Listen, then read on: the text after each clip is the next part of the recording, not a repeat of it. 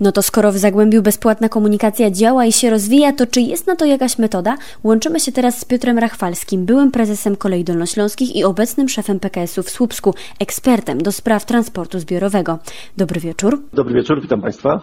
Czyli sukces bezpłatnej komunikacji jest możliwy tylko w bogatych gminach?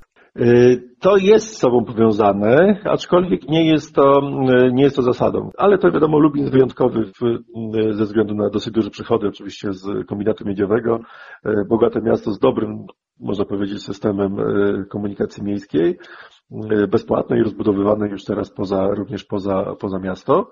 I to można podać jako przykład dobry, aczkolwiek są też zastrzeżenia co do przebiegu linii, czy do gęstości obsługi tych linii. Nie zawsze bezpłatna komunikacja oznacza dobrą komunikację. Co więcej, często nawet samorządy nie mając przychodów żadnych z komunikacji, często na niej po prostu, mówiąc krótko, oszczędzają ograniczając liczbę mm, kursów, robiąc takie powiedzmy autobusy alibi, że on niby jest, ale jest tam dwa, trzy razy na dzień. To nie jest tak, że tylko i wyłącznie kwestia darmowości czy niedarmowości świadczy o tym, czy komunikacja jest dobra czy zła. Tak się składa, że w Polsce jeden z najlepszych systemów y, komunikacji miejskich y, są płatne. Te systemy bezpłatne zazwyczaj są nieduże, nieliczne wyjątki, jak gdyby tutaj potwierdzają regułę, y, ale to jest zawsze też kwestią specyfiki lokalnej. Z całą pewnością oczywiście pieniądze mają znaczenie, bo pieniądze mają zawsze znaczenie. Sama bezpłatność nie gwarantuje wysokiej jakości. To kiedy można rozważać darmowe przejazdy? Mówię, nie ma tu prostych jednych recept. To trzeba popatrzeć na dane miasto, na dane, e, daną sytuację ekonomiczną, oczywiście i samorząd. Jeśli wychodzimy z takiego poziomu, że koszty komunikacji miejskiej są pokryte w biletach zaledwie w 10, 15, 20%, to faktycznie trochę łatwiej jest zrobić w takiej sytuacji komunikację e, bezpłatną. Co innego, kiedy mm, e, procent przychodów z biletów pokrywa 60 czy, czy 50%, wtedy jednak musimy dołożyć dużo pieniędzy i rezygnacja z tych biletów jest, e, można powiedzieć, nie zawsze zasadna. No to trzeba zapytać, zadać sobie jedno bardzo trudne pytanie.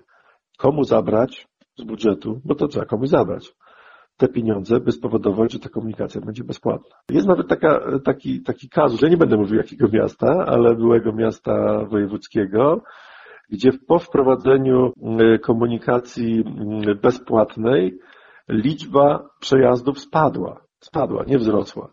Przy okazji tej budowania tego systemu bezpłatnego po prostu troszkę przeoszczędzono. E, I to spowodowało, że mimo, że jest bezpłatny, ludzie z niej nie korzystają, bo jest nieatrakcyjny. To dlaczego tyle samorządów w to wchodzi?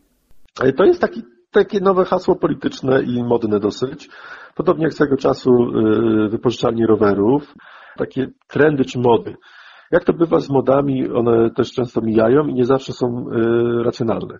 To, co mówiąc krótko w modzie jednemu pasuje, niekoniecznie drugi w tym będzie dobrze wyglądał. Podobnie jest właśnie, z, można powiedzieć, taką modą na bezpłatną komunikację.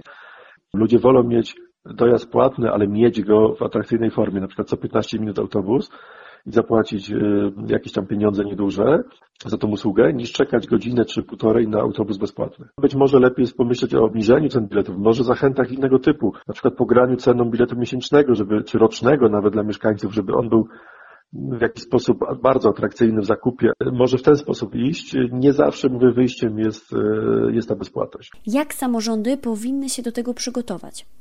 tego typu decyzja o wprowadzeniu bezpłatnej czy nie komunikacji mm, powinna być poprzedzona badaniami, nie tylko badaniami tymi ruchu, który jest. Bo pasażer, który już wiedzie, to jak widać jedzie, wybrał już ten środek transportu i nim pojedzie. Jak będzie za darmo, pewnie pojedzie jeszcze chętniej.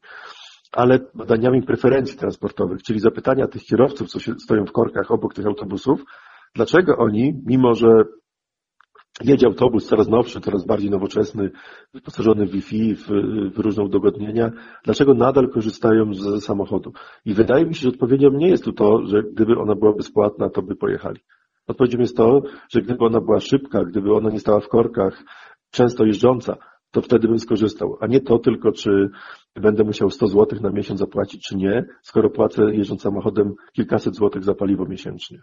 Z samego Słupska łączył się z nami Piotr Rachwalski, szef PKS-u w Słupsku i ekspert do spraw transportu zbiorowego. Dziękuję, dobranoc, zachęcam do korzystania z transportu publicznego. A my za kilka minut połączymy się ze Złotoryją.